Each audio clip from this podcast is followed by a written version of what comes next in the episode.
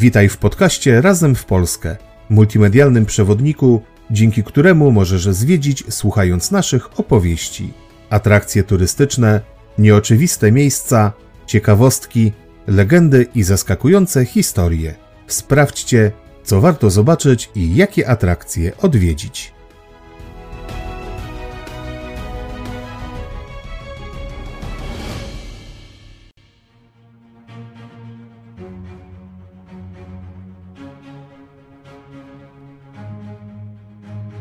Odcinek 19 Kętrzyn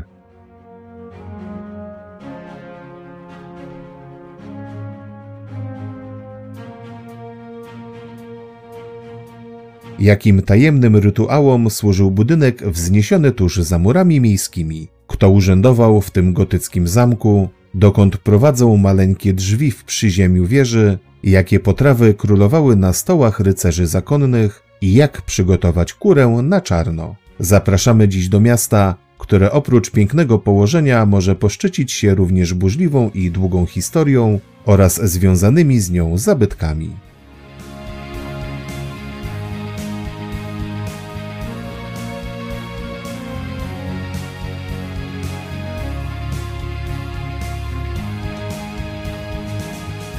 Dziś zabieramy Was w podróż, podczas której przeplatać się będą piękne gotyckie budowle z wątkami kulinarnymi. Odwiedzamy położony nieopodal krainy Wielkich Jezior Mazurskich w województwie warmińsko-mazurskim Kętrzyn. Miasto, które kojarzone jest głównie z położoną niedaleko kwaterą Hitlera w Gierłoży, ma do zaoferowania turystom także kilka innych ciekawych obiektów godnych uwagi. Jego piękne położenie w lasach nad jeziorami stwarza także dogodne warunki do wypoczynku na łonie natury. Sprawdźcie z nami, co warto zobaczyć w Kętrzynie.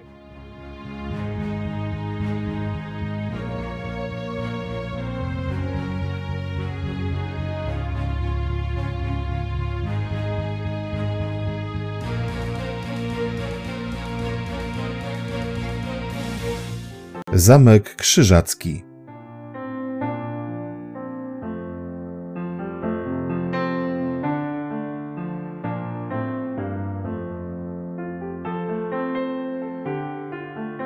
Około połowy XIV wieku okolice obecnego Kętrzyna podbijają krzyżacy i w miejscu dawnej pruskiej osady Rast stawiają drewnianą strażnicę. Po dwukrotnym jej zniszczeniu przez książąt litewskich Olgierda i Kejstuta zakonnicy podejmują decyzję o budowie murowanej warowni. W latach 1360-1374 powstaje zamek będący siedzibą prokuratora krzyżackiego. Niezbyt mocno ufortyfikowana warownia w 1410 roku poddała się wojskom Jagiełły bez walki, jednak już rok później wróciła w ręce zakonne.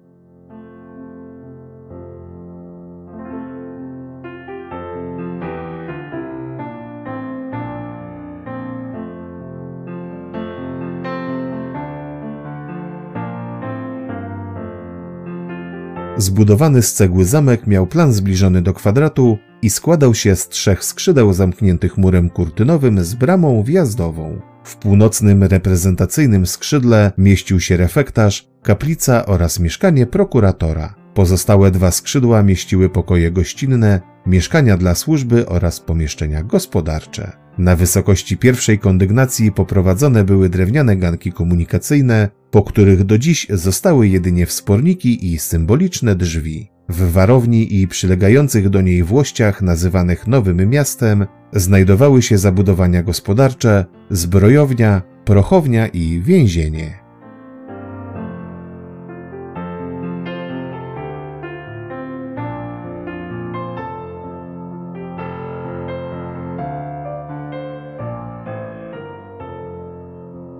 1454 roku niezadowoleni z polityki fiskalnej krzyżaków mieszczanie zdobyli warownię, miejscowego prokuratora utopili w pobliskim stawie, a zamek przekazali w ręce polskie. Zakonnicy nie dali jednak za wygraną i już w 1461 roku ponownie odbijają warownię, która w ich panowaniu znajdowała się do roku 1525.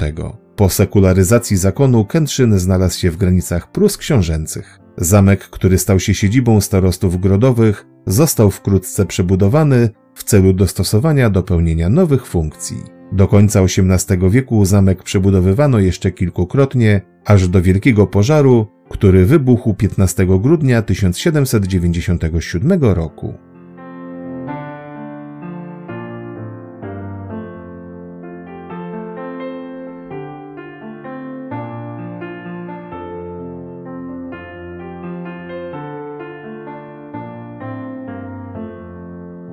W XIX wieku dostosowano go do pełnienia funkcji mieszkalnych i biurowych. W styczniu 1945 roku zamek, jak i większość zabytkowej zabudowy miasta zostały spalone przez wojska radzieckie. Do odbudowy przystąpiono w latach 60. XX wieku i przywrócono mu wówczas gotycki charakter z czasów Prus książęcych. Obecnie mieści się tu Biblioteka Miejska i Muzeum imienia Wojciecha Kętrzyńskiego.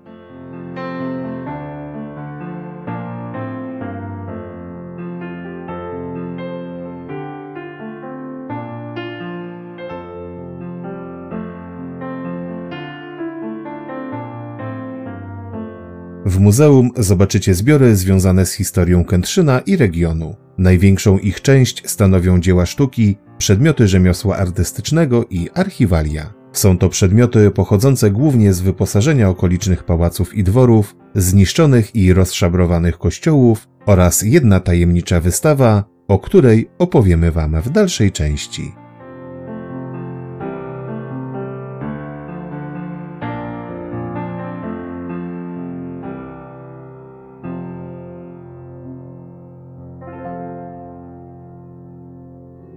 Baszta.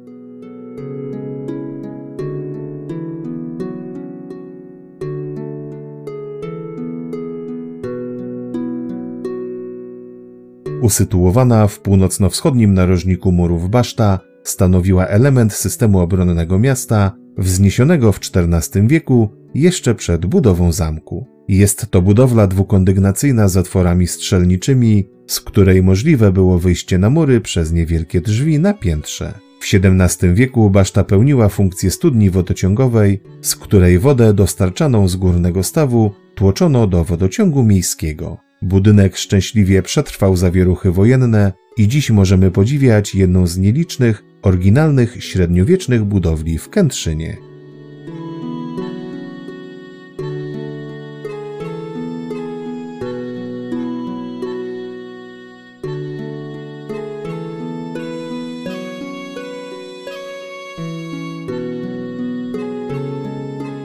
Po remoncie w roku 2020 otwarto tu wystawę przedstawiającą rekonstrukcję średniowiecznej kuchni. Znajdują się tu różne rodzaje sprzętów kuchennych, naczyń ceramicznych, drewnianych i cynowych, które wykorzystywane były do przygotowywania i spożywania posiłków. W tym miejscu warto wspomnieć o tym, co jedzono i pito w czasach krzyżackich.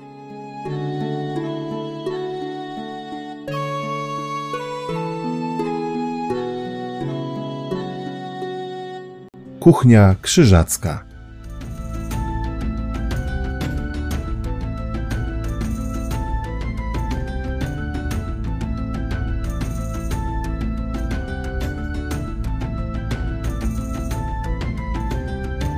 Rycerze krzyżaccy wiedli spartańskie życie w myśl łacińskiej sentencji ora et labora, czyli módl się i pracuj. Jednak czy dotyczyło to wszystkich dziedzin ich życia? Jednym z odstępstw od tej szlachetnej reguły było jedzenie. Jadali wprawdzie rzadko, bo musiały im wystarczyć dwa posiłki dziennie. Jedzenie śniadania w owych czasach uznawano za grzech, jednak gdy zasiadali już do stołu, ten wprost uginał się pod naporem jadła. A tłumaczyli to w prosty sposób. Jako zakon rycerski krzewiący wiarę katolicką, musieli mieć siły do walki.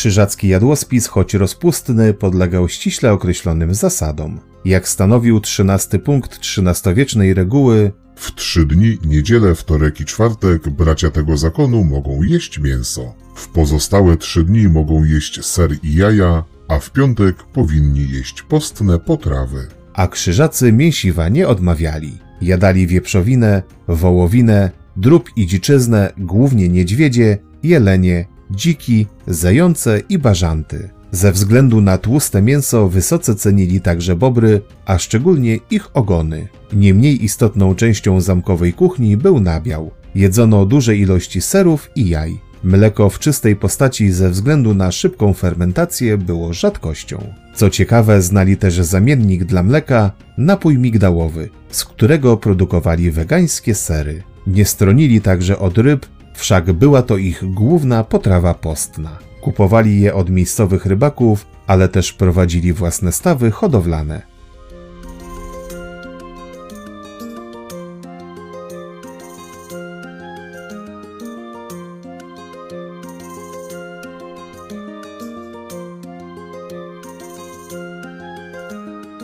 Ziemniaków średniowieczna Europa jeszcze nie znała, dlatego na talerzach królowały kasze, importowany z Chin ryż i ciemne pieczywo. Jasne chleby były niezwykle drogie, dlatego podawano je tylko na wyjątkowe okazje, takie jak odwiedziny królów lub biskupów. Z warzyw największym wzięciem cieszyły się groch, fasola, bób, cebula, czosnek, kapusta i buraki. Swoją drogą, po takich posiłkach atmosfera w dormitoriach musiała być gęsta.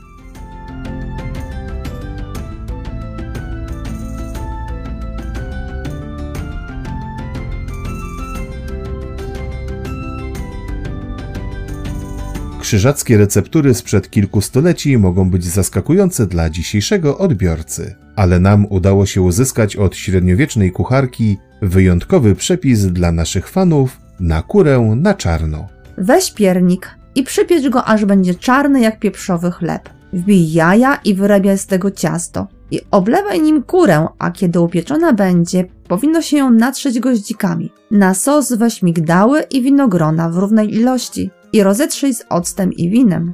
Życzymy Wam smacznego i zapraszamy na dalszą część opowieści o Kętrzynie.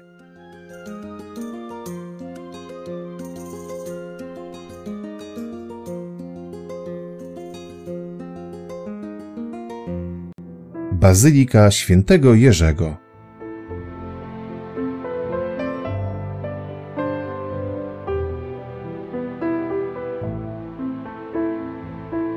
Odwiedzając Kętrzyn nie można pominąć najlepiej zachowanego na Mazurach kościoła obronnego. Bazylika kolegiacka świętego Jerzego powstała w miejscu dawnej strażnicy krzyżackiej około 1359 roku. Jednonawowa budowla miała tak potężne mury, że nie potrzebowała stosowania przypór. Na przełomie XIV i XV wieku nastąpiła jej gruntowna przebudowa, podczas której powstała trzynawowa bazylika z wieżą od strony południowo-zachodniej. Ostateczny jej wygląd nadał mistrz Metz z Gdańska podczas przebudowy w XVI wieku.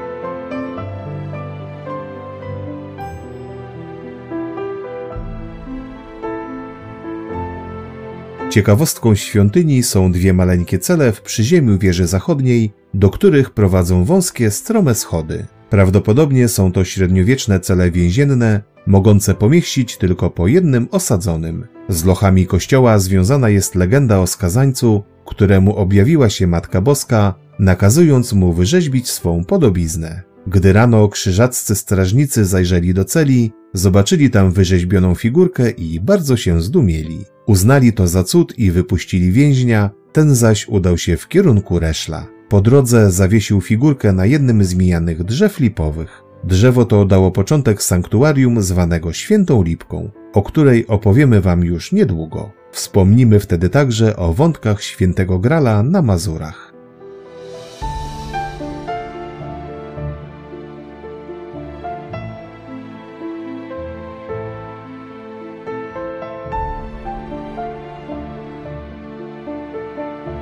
Po hołdzie pruskim świątynia trafiła w ręce protestantów i pozostała w ich władaniu do 1946 roku. W tym czasie kościół ucierpiał kilkukrotnie na skutek działania sił wyższych i w wyniku pożarów. W jednym z nich w 1700 roku zniszczeniu uległa duża część wyposażenia i organy. Pod koniec XIX wieku świątynię poddano gruntownej restauracji. W 1945 roku uległa uszkodzeniom w wyniku wysadzenia w powietrze pobliskiej kwatery Hitlera w Wilczym Szańcu. Wypadły niemal wszystkie szyby, pospadały dachówki i popękało sklepienie. Przed przekazaniem kościoła katolikom w 1946 roku w niewyjaśnionych okolicznościach ze świątyni zniknęło wiele drogocennych zabytków zgromadzonych w skarbcu, a wnętrze zostało zdewastowane.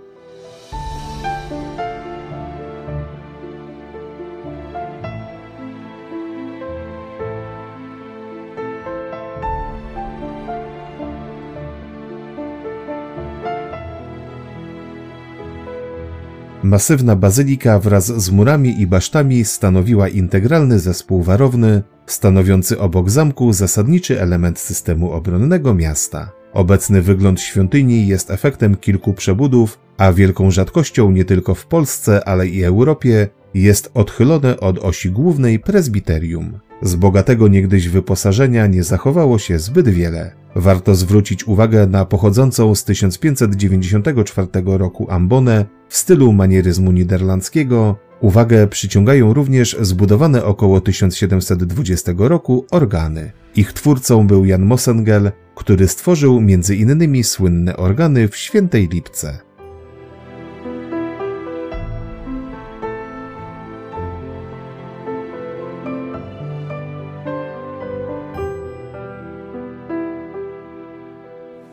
Budynek loży masońskiej.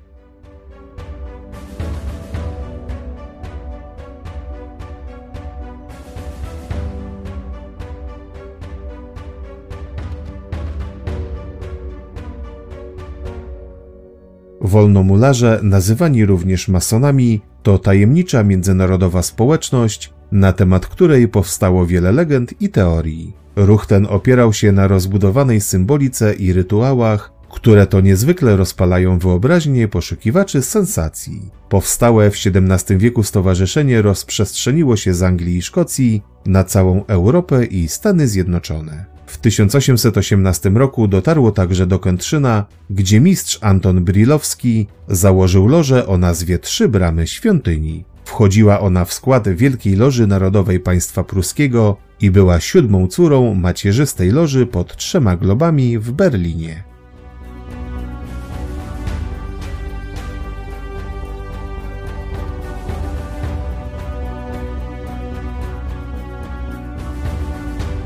Na potrzeby działalności wolnomularskiej wzniesiono w 1864 roku budynek mieszczący się tuż za murami miejskimi w miejscu dawnej fosy. Wybudowany w stylu neogotyku angielskiego pałacyk mieścił na parterze pomieszczenia użytkowe, na piętrze zaś znajdowała się reprezentacyjna sala biesiadna. Budynek zdobią cztery charakterystyczne wieżyczki i mieszczący klatkę schodową pięcioboczny ryzalit.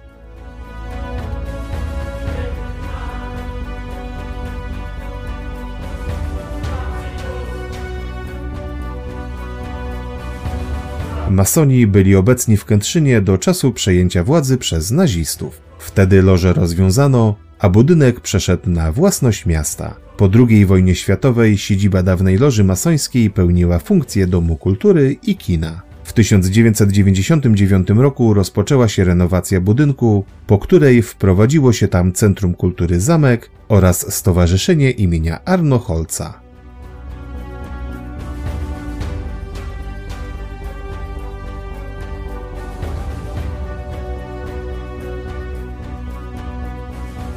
To, co pozostało z dawnej kętrzyńskiej loży masońskiej oraz pamiątki, jakie udało się pozyskać, możecie dziś obejrzeć zwiedzając wystawy w Muzeum imienia Wojciecha Kętrzyńskiego. Są wśród nich kielichy i inne przedmioty związane z rytuałami i symboliką masonerii. Na większości wyryte są inskrypcje świadczące, że były częścią wyposażenia właśnie tej loży, a także charakterystyczne masońskie symbole cyrkiel, węgielnica i sześcioramienna gwiazda.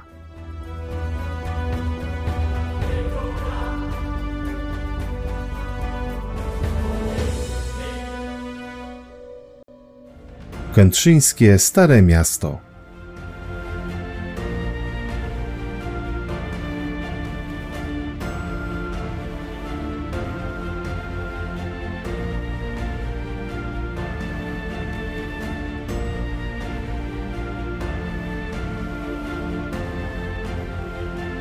Swój rozwój Kętrzyn zawdzięcza nadaniu w 1357 roku przez krzyżaków praw miejskich i budowie warowni. Była ona nie tylko siedzibą rycerzy zakonnych, ale także ważnym ośrodkiem handlu i rzemiosła. Szybki rozwój miasta zahamowały wojny polsko-szwedzkie i późniejsza wojna siedmioletnia, gdy tereny te były okupowane przez Rosjan. Ponowny rozwój nastąpił dopiero w połowie XIX wieku, kiedy to wybudowano tu cukrownię, browar i młyn. W 1871 roku miasto znalazło się w granicach Cesarstwa Niemieckiego i wtedy powstał kwartał nowej zabudowy wraz z ratuszem oraz rynkiem miejskim.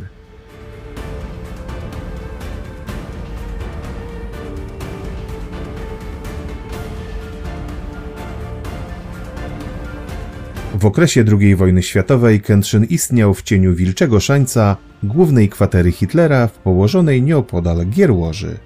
Istnienie bunkrów doprowadziło do bombardowania Kętrzyna w 1942 i walk w 1945 roku, przez co miasto uległo poważnym zniszczeniom i dziś niewiele z zabytków dawnego Rastenburga możemy obejrzeć.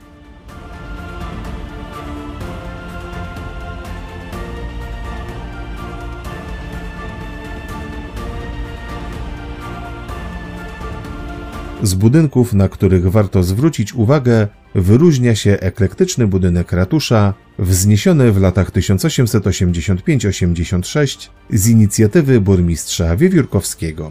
Jest to trzykondygnacyjna budowla z czerwonej cegły na kamiennym cokole. Ratusz zdobi szereg elementów dekoracyjnych. Wśród budynków wyróżnia się także neogotycki kościół świętej Katarzyny, wybudowany pod koniec XIX stulecia i wyremontowany po zniszczeniach wojennych w 1956 roku. W okolicach zamku w rzędzie XIX-wiecznych kamieniczek znajdziecie budynek starej synagogi pochodzący z połowy XIX wieku. Jeszcze przed I wojną światową gmina żydowska sprzedała go baptystom, którzy zajmowali go do 1985 roku.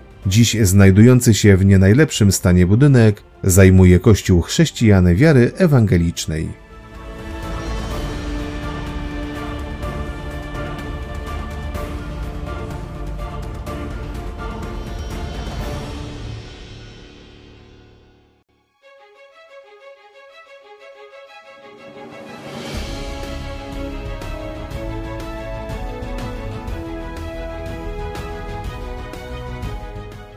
To już koniec naszej dzisiejszej opowieści.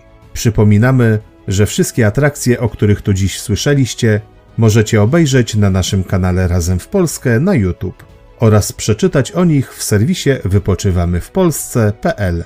Zapraszamy na kolejne nasze podcasty.